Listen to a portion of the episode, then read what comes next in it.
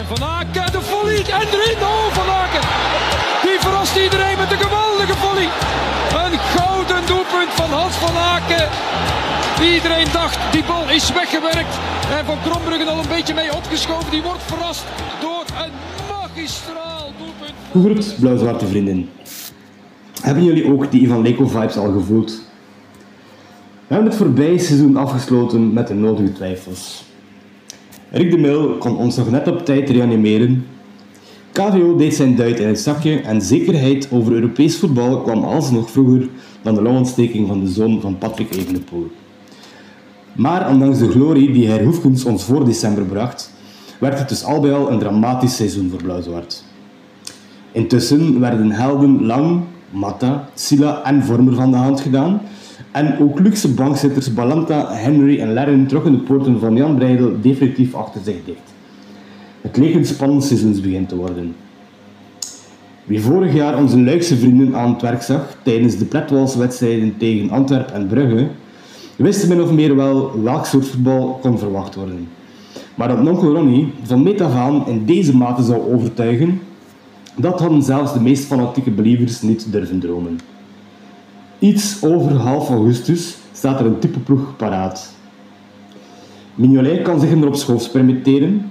Buchanan toont motivatie, rust en soms een glimlach. En Brennan Mechelen zou zelfs als hoeksteen ons bouwvallige stadion nog vijf jaar recht houden. Johannes Pileers of Seno de Bast? Dat is een vraag voor de retoriek. En Maxim de Kuiper liet, zeker in aanvallend opzicht, al duidelijk zien waarom hij een basisplek zou verdienen.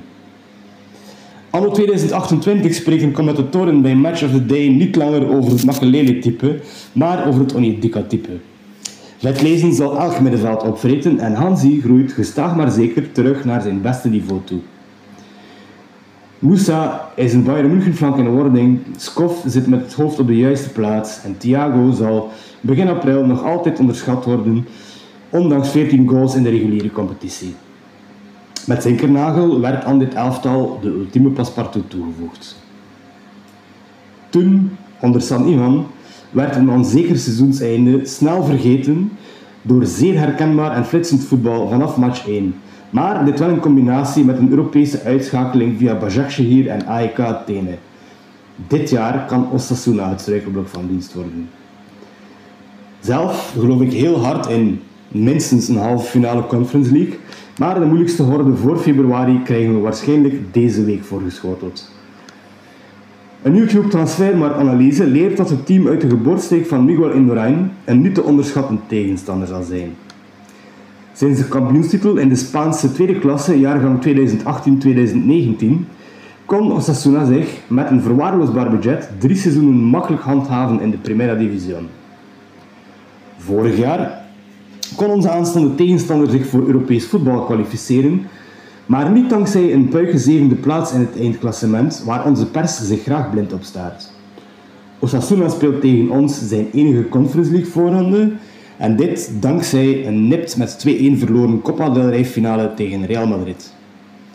In aanloop naar deze finale schakelde Osasuna zowel Athletic Bilbao, Real Betis en FC Sevilla uit.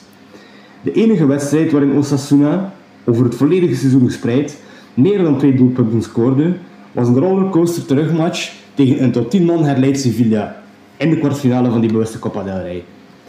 Osasuna strekte in geen enkele divisionwedstrijd meer dan twee tegengoals en haalde een zevende plaats met 37 gescoorde goals in 38 wedstrijden. 37 goals was ook het exacte aantal doelpunten waarmee in de twee vorige seizoenen een tiende en een elfde plaats werden behaald. Statistieken zeggen veel, maar niet alles. Osasuna 2022-2023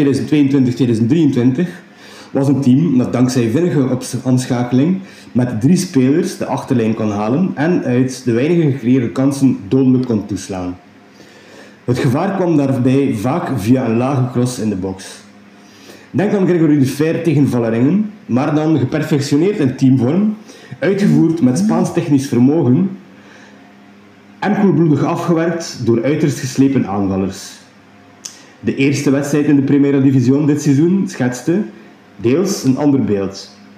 Bij de droge 0-2, again, niet meer, niet minder, overwinning op Celta Vigo, kwamen de voorzetten op de kopbalsterke spits Budimir vanuit de tussenzone op de flank. Afvallende ballen worden gretig en zonder aarzeling opgepikt door de, drie, door de drie schietgrage drijvers op het middenveld. De naam die we hopelijk niet zullen onthouden is Aymar Oros, in Frins op spoorstermen uitgedrukt de Ikwer Munyain van de Albert Heijn.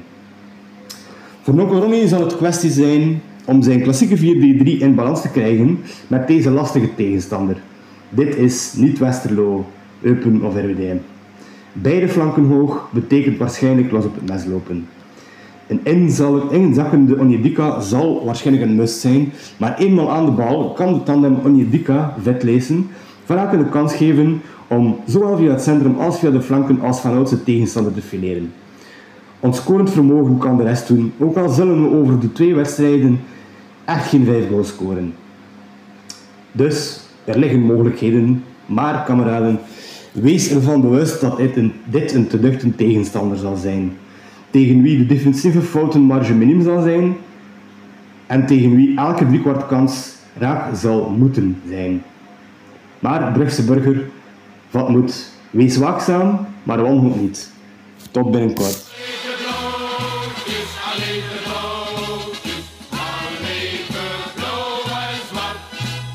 Alleen de alleen de blootjes.